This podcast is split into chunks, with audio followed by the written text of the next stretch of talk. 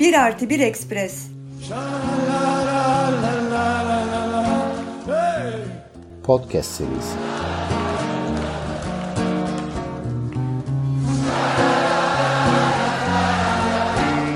These boots are made for walking, and that's just what they'll do.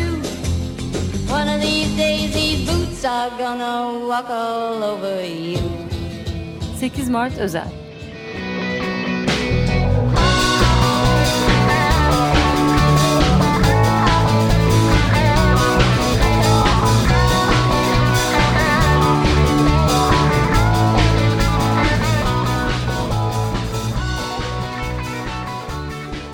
Bir artı bir ekspres 8 Mart özel yayınımızda konuğumuz 2011'den bu yana feminist hareket içinde örgütlü bir hukukçu olan avukat Deniz Bayram.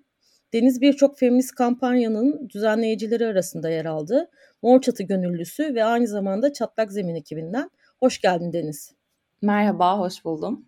Deniz 8 Mart 2022 20. Feminist Gece Yürüyüşü'nün tüm engellemelere rağmen e, yine çok büyük bir kalabalığı bir araya getirdi. Feminist isyanın her yerde, her koşulda ödün vermeden sokakta olacağının da ispatıydı. 8 Mart gecesi sen neler yaşadın?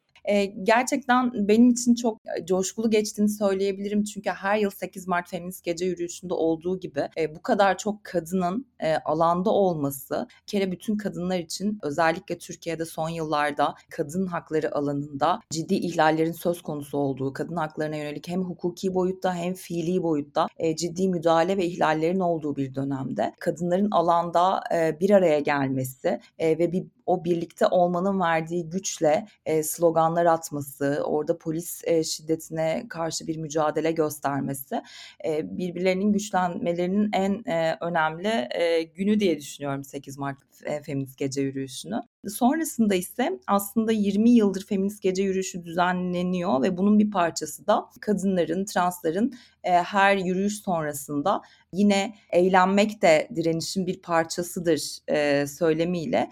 E, eğlenmek için e, Feminist Parti'de e, buluşma çağrısı yapılan bir mekanda e, buluşmak üzere e, mekanın önüne geldiklerinde maalesef polisin yani bir tomayı o mekanın önüne park etmesi e, ve yine polisin çok kalabalık bir şekilde mekanın önünde e, yer alması ve mekana Feminist Parti'ye girmeye çalışan yani bir kapalı mekanda or- oraya eğlenmeye gitmeye çalışan bir grubu durdurması gibi bir durumla da karşılaşıldı. Dolayısıyla diğer bir önceki yıllardan farklı olarak bu yıl polis sadece eylemi değil aynı zamanda tabii ki o eylemin bir parçası o direnişin de bir parçası olan partiye de müdahale etti. Peki geçen yıllara kıyasla devletin bu sene yaratmaya çalıştığı korku atmosferin için neler söylersin? polis müdahalesinin bu kadar kapsamlı hale gelmesi Türkiye'de kadınların haklarına yönelik e, müdahalelerle de paralellik gösterdiğini de söyleyebiliriz. Dolayısıyla aslında bir bütüncül olarak baktığımızda hem bir hukuki müdahale hem de fiili bir müdahaleyle karşılaşıyoruz. Tekim aslında 2021 yılı e, kadınlar açısından çok kritik bir yıldı. E, İstanbul Sözleşmesi'ne e, yönelik önce tartışmaların e, başlamış olması, sözleşmenin içeriğine ilişkin bir takım e, olumsuz yönde e, tartışmaların açılması e, ve akabinde de 2021 yılı Mart ayı içerisinde e, bir Cumhurbaşkanı kararıyla e, bir imzayla e, sözleşmenin fesline e, yönünde karar alınmış olması.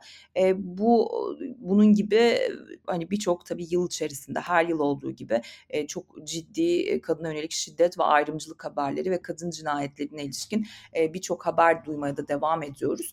İstanbul Sözleşmesi'nin feshedilmiş olması aslında bütün hukuk sisteminde e, kadın haklarına yönelik e, aynı zamanda e, yine cinsel yönelim ve cinsiyet temelli ayrımcılığa karşı e, LGBTİ e, bireylerin de haklarının e, korunmasını güvence, hukuk güvencesine yönelik e, çok ciddi bir e, müdahaleydi İstanbul Sözleşmesi'nden sözleşmesinin feshedilmesi. E, aslında bu kadar geniş kapsamlı bir e, hukuk sözleşmesinin bir hukuk aracının ortadan kaldırılması sadece hukuki sistemde bir değişiklik değil aynı zamanda mahkemelerde e, uygulayıcıların da hakimlerin e, savcıların da e, maalesef e, kanunların uygulanmasına yönelik bir e, bakış açısı değişikliğini de getirdiğini söylemek gerekiyor. Türkiye'de kadın haklarına yönelik müdahalelerle 8 Mart Feminist Gece Yürüyüşü'ne müdahalenin her yıl daha da sertleşmesi. İşte bu yılki en sert örneğinin aslında kimseyi toplatmamak, hiçbir yere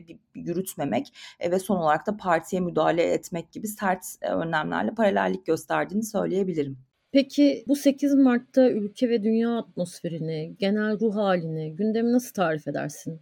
Nasıl bir ortamda 8 Mart'a aslında girmiş olduk? Kadın gündemi, feminist gündem açısından değil, politik gündemler açısından da durum sadece Türkiye'de olumsuz değil, e, bütün dünyada olumsuz koşullarla karşı karşıyayız.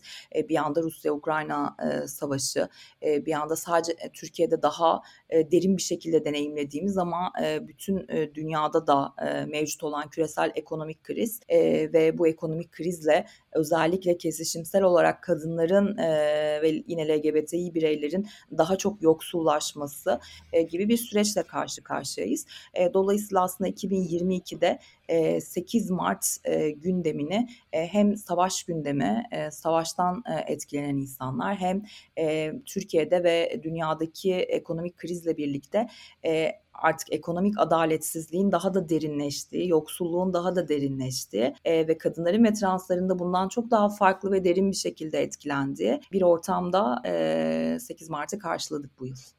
Deniz, hukuk ve adalet açısından son bir yıl kadınlar için nasıl geçti? Kadınlara yönelik ayrımcılığı, cinsiyet temelli, cinsiyet kimliği temelli, cinsel yönelim temelli ayrımcılığı ortadan kaldırabilmek için e, sadece hukuk mekanizmalarına, yasalara ihtiyacınız yoktur. Bunun diğer ayağı ise politik bir iradedir. Ve her zaman yasaları sadece belirli gündemler için yasa yaptık demek için e, ya da işte e, belirli bir rahatsızlığı geçici olarak ortadan kaldırmak için sadece yasa yaptığınızda ve gerçek anlamda o yasayı uygulamak için bir siyasi iradesi olmadığı olmadığında devletin ve uygulayıcıların maalesef eksik kalıyor. Türkiye'de de aslında en önemli sorun bu. Yani mevcut yasalar iyi olabilir. Şu anda maalesef yasaların da e, kırpılması, değiştirilmesi gibi durumlarla karşı karşıya kalıyoruz. E, ama e, son yıllarda hani biraz daha yoğunlaştı bu. Ondan öncesinde e, her ne kadar mevcut yasalar iyi yönde hazırlanmış ve yürürlüğe konmuş olsa da Türkiye'de her zaman aslında e, kadın eşitliğinin sağlanması yönünde bir siyasi iradenin kararlılığın mevcut olmaması nedeniyle maalesef hani her zaman durum e, çok parlak değildi. Ama yıllar içerisinde e, aslında bu konuşmanın da en başında söylediğim gibi e, işte alana gelen kadınlar binlerken e, 10 binler oldu, 50 bin oldu. E, şu anda e, çok güçlü bir karşı çıkış söz konusu. E, bu karşı çıkışla birlikte tüm bu toplumsal süreçlere daha fazla etki edilebildiğini düşünüyorum ben. Mevcut durumda ise maalesef son yıllarda artık e, mevcut yasaların bazı yasalarda hemen yapılamıyor olsa bile örneğin medeni kanunla ilgili bir e, hükmün e, bir hukuk kuralının e, henüz değiştirilmemiş olsa bile işte kısa vadede değişime açık olmaması bile bunun tartışmasının kamuoyu gündeminde yapılması bir takım siyasetçiler tarafından bir takım konuşmalar siyasi siyaseten e, konuşulup e, bir kamuoyu tartışması açılıp aslında fiilen bir değişiklik yapılmaya çalışılıyor. Tıpkı e, kürtaj konusunda olduğu gibi yani e, kürtaj e, ilgili kamuoyu tartışması açıldı. Bununla ilgili yasal değişiklik yapılacağı söylendi. E, bu buna karşı kadınlar çok güçlü bir irade gösterdiler. Çok güçlü e, protestolar, eylemler sonucunda yasa değişikliği yapılamadı ama kürtaj konusunda e, çok ciddi ve sert e, siyasi söylemlerin, e, siyasi tartışmaların yapılmış olması nedeniyle maalesef fiilen yasaklandı. Yani birçok hastane e, kürtajı fiilen e, uygulamamaya başladı. E, Türkiye'de birazcık artık son yıllarda böyle bir durum maalesef e, göze çarpmaya başladı. E, özellikle bunun son halkasında gerçekten İstanbul Sözleşmesi'nden fesih e, oluşturuyor. çünkü İstanbul Sözleşmesi sizin de bildiğiniz üzere aslında kadınların haklarına ilişkin en geniş çerçeveyi oluşturan bir uluslararası sözleşme. Dolayısıyla en üst boyutta en kapsamlı kadınların haklarını güvence altına alan bir mekanizma. haliyle böyle bir hukuk aracının ortadan kaldırılması için bu kadar çok tartışma yapılması ve son olarak da bir fesih kararı alınması. Yani Türkiye ilk defa bir insan hakları sözleşmesinden çıktı. Peki 20 Mart 2021'e gitsek biraz e, o geceyi ilk söylentinin çıktığı anı, o birazdan moraracaklar tweetinin düşündürdüklerini e, konuşabilir miyiz? Yani o gece ne oldu ve İstanbul Sözleşmesiz geçen bütün bu süreçte neler yaşanıyor? Benim için gerçekten 20 Mart 2021 gecesi kadınların hiçbir şekilde haklarını bırakmayacağını çok net olarak gösterdiği bir geceydi diye düşünüyorum. Çünkü hatırladığım kadarıyla sabaha kadar kadınlar bu konuyla ilgili sosyal medyada eylem başlattılar. Sosyal medyada paylaşımlar yaptılar ve günlerce hatta haftalarca İstanbul Sözleşmesi'nden vazgeçmiyoruz. İstanbul Sözleşmesi bizim gibi hashtagler sosyal medya kanallarında paylaşılmaya başladı başlandı. Medyada inanılmaz bir görünürlük e, oluştu ve sadece sosyal medyada sadece dijital platformlarda değil aynı zamanda kadınlar yüz yüze de e, bir araya gelerek eylem alanlarında yani bu kadar Türkiye'de protestonun yapılamadığı hem de pandemi döneminde ve her şeyi göze alarak ne pahasına olursun sokaklarda eylemler ve kitlesel eylemler gerçekleştirdiler ve şu anda bile hala bu kampanyalar e, devam ediyor. Bence bütün bunlar her ne kadar bir imza ile bu sözleşmeden çıkılmış olsa bile milyonlarca kadının hala bu işin peşini bırakmadığının en önemli göstergesi diye düşünüyorum. Hukuk mecrasında İstanbul Sözleşmesiz günler, aylar, haftalar nasıl geçiyor? Maalesef toplumun bir kesiminde özellikle bu hukuk uygulayıcıları kesiminde bir algı oluşturuldu. E, o da kadın haklarına bir mesafeli yaklaşma algısı. Şu anda birçok kadın örgütü İstanbul Sözleşmesiz geçen bir yılda kadınların hukuk sistemine, adalete erişilebilirliğinin ne kadar nasıl etkilendiğine dair birçok çalışma yapıyor. İstanbul Sözleşmesi devlete bir takım yasal değişiklikler yapma, bir takım yasaları e, yürürlüğe koyma gibi yükümlülükler de yükleyen bir sözleşmeydi. E, örneğin erken yaşta evliliklerin yasaklanması ve cezalandırılması konusunda, bunun suç olarak e, düzenlenmesi konusunda bir yükümlülüğü vardı devletin.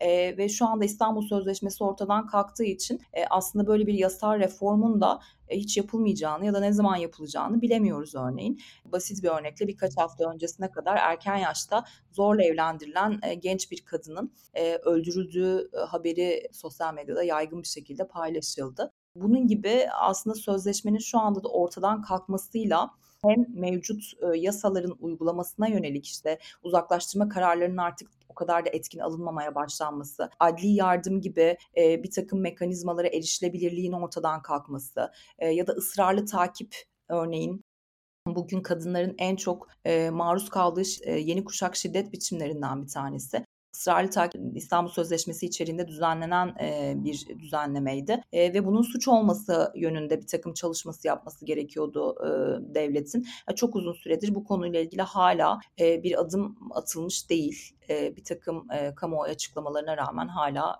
düzenlemeler yapılmadı. Dolayısıyla İstanbul Sözleşmesiz geçen bir yılda maalesef kadınların mevcut e, yasal düzenlemelerindeki hakların erişilebilirliği tartışmalı olduğu gibi e, bu hakların daha da e, genişletilmesi, güvencesinin artırılması yönünde devlete e, sağlanan e, yükümlülüklerin de ortadan kalktığı e, ve bunun sonuçlarını biraz önce bahsettiğim gibi e, birkaç hafta önce e, yaşta zorla evlendirilen genç bir kadının öldürülmesi gibi maalesef bu tür şiddet e, ve kadın cinayeti döngüleriyle hala karşılaşmaya devam ediyoruz. İstanbul Sözleşmesi'nin feshinin e, ardından Türkiye'de çocukları koruyan ve çok hayati olan başka uluslararası sözleşmelerin de aşındırılacağı yönünde haberler okuduk. Bu tehlike yakın gelecekte karşımıza çıkacak mı? İstanbul Sözleşmesi ile ilgili süreci tekrar ifade etmek istiyorum. Kadınlar hala fiilen İstanbul Sözleşmesi'ne e, sahip çıkmaya da devam ediyorlar. Uygulatmak için her yerde, her alanda da sözlerini söylemeye de devam ediyorlar. E, fakat bu sürece baktığımızda yani bir takım kesimler İstanbul Sözleşmesi'ne yönelik bir takım saldırı içeren e, ifadeler kullanmaya başladılar. Köşelerinde yazdılar. Bununla ilgili sosyal medya paylaşımları yapıldı. E, işte meclis konuşmaları yapıldı. Böyle bir karalama kampanyası başlatıldı. Sonra İstanbul Sözleşmesi'nin aslında var olan amacına ilişkin o amacın yani inanılmaz bir bilgi kirliliği yürütüldü. Ve bunun sonucunda da yani bu karalama kampanyası yapıldı ve bu karalama kampanyasının sonucunda da sözleşme feshedildi. Yani dolayısıyla böyle bir süreç sürece baktığınızda yani Türkiye'de sadece çocuk haklarını koruyan en üst mertebedeki sözleşmeler değil e, Türkiye'nin taraf olduğu bütün insan hakları sözleşmeleri açısından geçerli. Yani yarın Avrupa İnsan Hakları Sözleşmesi'ne yönelik de böyle bir kampanya yürütülse, böyle bir saldırı kampanyası, karalama kampanyası yürütülse e, o zaman e, Avrupa İnsan Hakları Sözleşmesi'nden çıkmak da e, söz konusu olacak mı? Ya da diğer e, Birleşmiş Milletleri sözleşmelerinden çıkmak da söz konusu olacak mı gibi bir e, soru bence artık bu sürecin sonunda sadece çocuk hakları sözleşmeleri açısından değil, bütün sözleşmeler için geçerli artık. E, ama evet yani Lanzarote Sözleşmesi açısından da yani Türkiye'de çok uzun süredir erken yaşta evliliklerin suç haline getirilmediği gibi aynı zamanda e, çocukların cinsel istismarının e, bir cezasızlık e, kılıfına büründürülmeye çalışılmasına ilişkin yıllardır e, bildiğin üzere Türk Ceza Kanunu'nda bir takım değişikliklerle e, işte çocuk istismarının affedilmesi, e, çocuk istismarının cezasının düşürülmesi, cezasız bırakılması gibi e, bir takım yasa önerileri sunuldu. Yine toplumun çok geniş bir e, kesiminin itirazıyla bu yasa önerileri engellendi. Dolayısıyla aslında bütün bu süreçlere bak e, her şey mümkün demek olası galiba. Peki Deniz bütün bu çizdiğin manzara akla şu soruyu da getiriyor.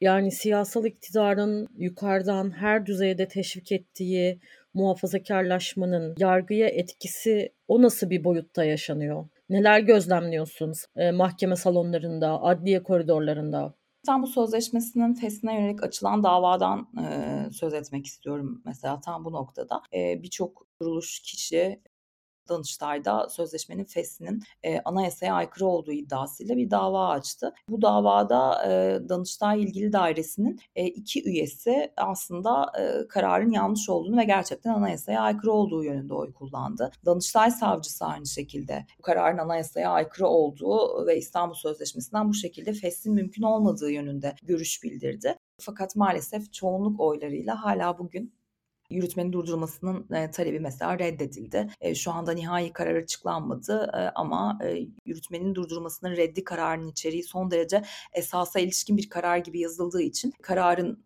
da e, negatif yönde olacağını tahmin ediyoruz. E, çok büyük sürpriz bir gelişme olmazsa tabii ki e, bütün bu siyasal e, tartışmalar, bu kadar çok kutuplaşmanın olduğu, e, bu kadar çok e, adaletsiz uygulamaların söz konusu oldu işte. Yani 8 Mart gece yürüyüşü sonrasında 9 Mart hemen bir gün sonrasında işte kadınların e, saçma sapan nedenlerle gece yarısı evlerinden alınıp adaya götürüldüğü gibi bu kadar korkutma ve soğutma etkisi e, olan e, adaletsiz uygulamaların olduğu bir dönemde bütün bu siyasi hamleler, e, bütün bu siyasi referanslar e, tabii ki hukuk uygulayıcılarının hayatlarını da etkilediğini düşünüyorum. Tabii ki hakimler, savcılar da bizim izlediğimiz televizyon kanallarını izliyorlar. Bizim okuduklarımızı okuyorlar. Onlar da bütün bu olayların nasıl geliştiğini görüyorlar. E, dolayısıyla onlar, onlarda da farklı yönde kanaat oluşuyor olabilir. Onlar da artık İstanbul Sözleşmesi'nin yürürlükte olmadığı Dolayısıyla yani örneğin şunu düşünelim İstanbul Sözleşmesi'nin fesih nedenlerinden bir tanesi olarak Cumhurbaşkanlığı İletişim Başkanlığı şöyle bir açıklama yaptı özellikle cinsel yönelim ve cinsiyet kimliği temelli ayrımcılıkla ilişkin bir güvence, bir hukuk düzenlemesi olduğu için bu sözleşmeden çıkıldığı, feshedildiği yönünde bir açıklamada bulundu. Yani düşünün cinsel yönelimi nedeniyle ya da cinsiyet kimliği nedeniyle şiddete maruz kalan trans cinayetleri bugün oldukça fazla sayıda. Böyle bir dava dosyası önüne gelen bir hakim bütün bu siyasi konuşmalardan yani maalesef Türkiye'de her alanda olduğu gibi aslında bu siyasi koşulların birçok konuyu etkilediğini de düşünürsek hakimler nasıl tarafsız olabilirler? Yani yürütmenin başının, devletin e, bu kadar yoğun bir e, şekilde hedef göstererek iletişim yaptığı konularla ilgili bir dava dosyası önüne geldiğinde benim düşünceme göre hukuk uygulayıcılarının algılarını, kararlarını etkilememesi mümkün değil diye düşünüyorum. Peki bitmiyor.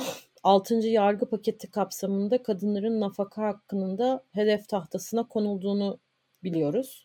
Şu an ne aşamadayız? Nafaka konusu da aslında yine İstanbul Sözleşmesi'ne çok benzeyen e, bir süreçten geçti.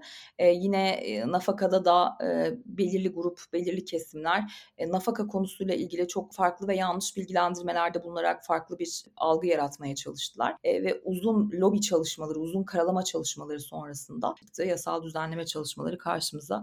Senin de dediğin gibi aslında bitmiyor. Yani bütün zaten İstanbul Sözleşmesi ortadan kaldırıldı kadınların hakları ile ilgili bir e, siyaset tartışması yapılarak bir uygulayıcıları bir etkileme e, söz konusu. E, nafaka da bunun son halkası oldu. Yani sanki kadınlar Türkiye'de gerçekten e, yüksek oranda nafaka alabiliyorlarmış gibi. Sanki kadınlar Türkiye'de bütün ekonomik e, koşullara, sosyal desteklere şiddet gören kadınlar açısından e, düşündüğümüzde bütün bu sosyal desteklere e, dört dörtlük ulaşabiliyormuş, erişilebiliyormuş bir yoksulluk sorunları, kadınların katmerli olarak etkilendikleri bir yoksulluk sorunu yokmuş gibi. Sanki yüksek oranda nafaka alabiliyorlarmış ve o nafakaları da kişilerden tahsil edebiliyorlarmış da kadınlar nafakayı bir zenginleşme aracı olarak kullanıyorlarmış gibi bir algı oluşturuldu ve bunun sonucunda yani nafaka talep etmek adeta bir kusur haline geldi. Yani bu yasal düzenleme ile ilgili de tabii ki kadınlar bu yasal düzenlemeye de şu anda karşı çıkıyorlar. Zaten bu kadar yoğun bir kamuoyu gündemiyle nafakaya saldırı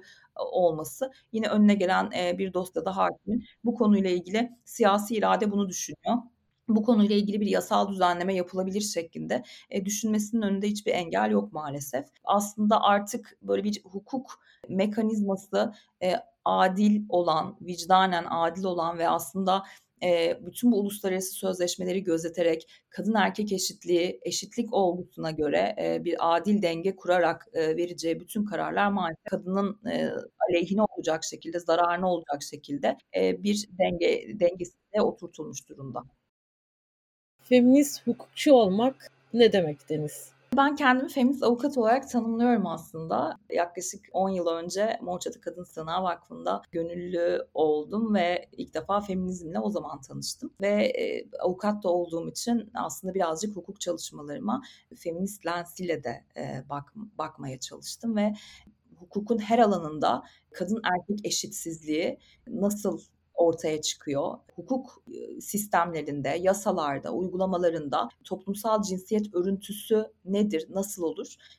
Bunları görmeye çalışmak bence feminist avukatlık ve buna karşı mücadele etmek. Örneğin bir olaya tamamen nötr gözlerle, e, tamamen e, kör bir şekilde sanki bütün koşullar çok eşitmiş gibi e, işte önünüze bir dava dosyası geldiğinde ya da bir konuyla ilgili bir olayla ilgili bir hukuki bir görüş oluşturmaya çalıştığınızda sanki bütün koşullar e, çok eşitmiş e, gibi e, hareket etmek değil de toplumda mevcut toplumsal cinsiyet eşitsizliğinin farkında olmak ve bu e, koşulları e, anlamak aslında nasıl bu toplumsal cinsiyet eşitsizliği kadınları nasıl etkiliyor ve kadınlar bu kadar eşitsizlik içerisinde nasıl davranıyorlar, nasıl e, hareket et, ediyorlar, erkekler e, nasıl hareket ediyor? Birazcık bunları anlamak e, ve e, aslında her şey eşitmiş ya da her şey idealmiş gibi değil de toplumsal cinsiyet örüntüsünün açığa çıkardığı, ortaya çıkardığı gerçekliğe göre hareket etmek diye düşünüyorum feminist avukat olmak. Ceza hukukundan örnek vereceğim. Haksız tahrik bildiğiniz üzere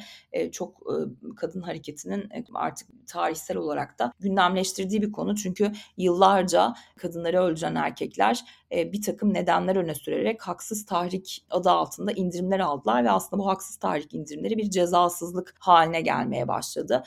Artık erkekler seni öldürürüm ve 10 yıl ceza alır çıkarım işte cezamda indirilir diyerek her şeyi yapmaya başladılar. Yani örneğin haksız tahrik belki feminist olmayan bir hukukçu için çok farklı yorumlanabilen bir ceza hukuku mekanizması. Ama bir feminist hukukçu için örneğin kadının işte herhangi bir kıyafetinin e, tahrik edici olmadığı, e, kadının e, işte boşanmak istemesinin, kadının e, evden e, kaçmasının, şiddetten uzakta bir hayat kurmak istemesinin, e, kadının polise başvurmasının şiddet gördüğü için, e, kadının arkadaşlarıyla dışarı çıkmasının, kendi isteklerini, kendi bedeni, kendi hayatı üzerinde e, karar alma yetisinin hiçbir erkek için bir haksız tahrik unsuru oluşturmayacağını görmek demek bence feminist e, hukukçu olmak.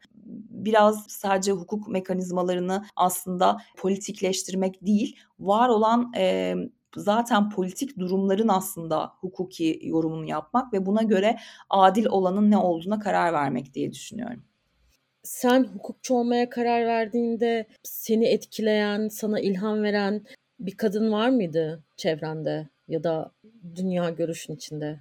Avukat olmaya sadece hukukçu değil avukat olmaya çok küçük yaşlarda karar verdim. Birazcık o yüzden de kendimi şanslı hissettiğimi söyleyebilirim. Yani ilkokulda meslekleri öğrendiğimde herhalde avukat olmaya karar vermiştim. Ve hani o kararımdan da hiçbir zaman vazgeçmedim ve hani çok istediğim bir mesleğe de sahip oldum. E, o yüzden de kendimi şanslı hissediyorum. E, ama feminist bir hukukçu olmak, sadece hukuk sistemlerine, yasalara, e, yasalara da feminist e, gözüyle bakmak, feminizm lensinden bakmak için e, bana en çok ilham veren e, beni teşvik eden kadın yani Türkiye'de e, İstanbul'da yaşıyorum ben. Özellikle İstanbul'da tanık olduğum o dönem İstanbul Feminist Kolektif adı altında örgütlenen e, birçok kadının ama sadece avukatların değil avukatlar dışında da kadınların toplu dava takipleri, o duruşmalara gelmeleri, o duruşmalarda işte Ayşe Yılbaş davası gibi e, kadın cinayeti davalarında e, ve aynı zamanda cinsel saldırı davalarında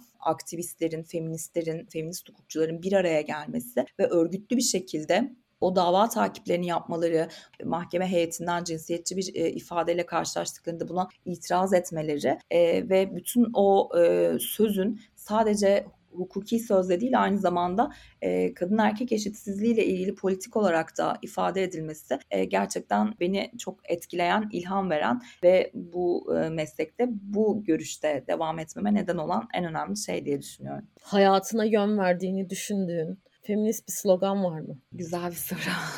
evet, dünya yerinden oynar, kadınlar özgür olsa sözünü çok seviniyorum. Galiba alanda da en coşkulu adılan sloganlardan biri olduğu için ve çok kadınlar özgür olsa, birlikte olsa galiba yapamayacakları hiçbir şey yok. Fikrini bana çok verdiği için en sevdiğim sloganlardan bir tanesi o.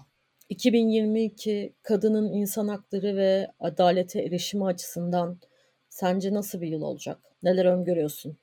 Kadınların asla haklarını bırakmadıkları, kolay kolay bırakmayacakları e, ve artık Türkiye'de ve dünyada olduğu gibi Türkiye'de de feminizmin artık e, ana akım bir politik hat haline gelmesi, kadınların kitlesel olarak feministleşmeye başlaması, bu feminist hareketin her zaman örgütlü olmasa da bu hareketin bir parçası hissetmeleri ve e, özellikle genç kadınların bence durdurulamayacak bir kitlesellik devam ediyor. E, bu da çok umut verici diye düşünüyorum. Bir noktada saldırıların önüne geçecek e, bir boyutta olduğunu düşünüyorum ve bu yüzden de kadınların 2022 ve sonrasında da adaleti ve hukuk mekanizmasına erişime yönelik e, bütün engellemelere, bütün müdahalelere karşı e, bu e, kitleselleşen e, feminizmin e, bir güç olacağını umut ediyorum. Hey!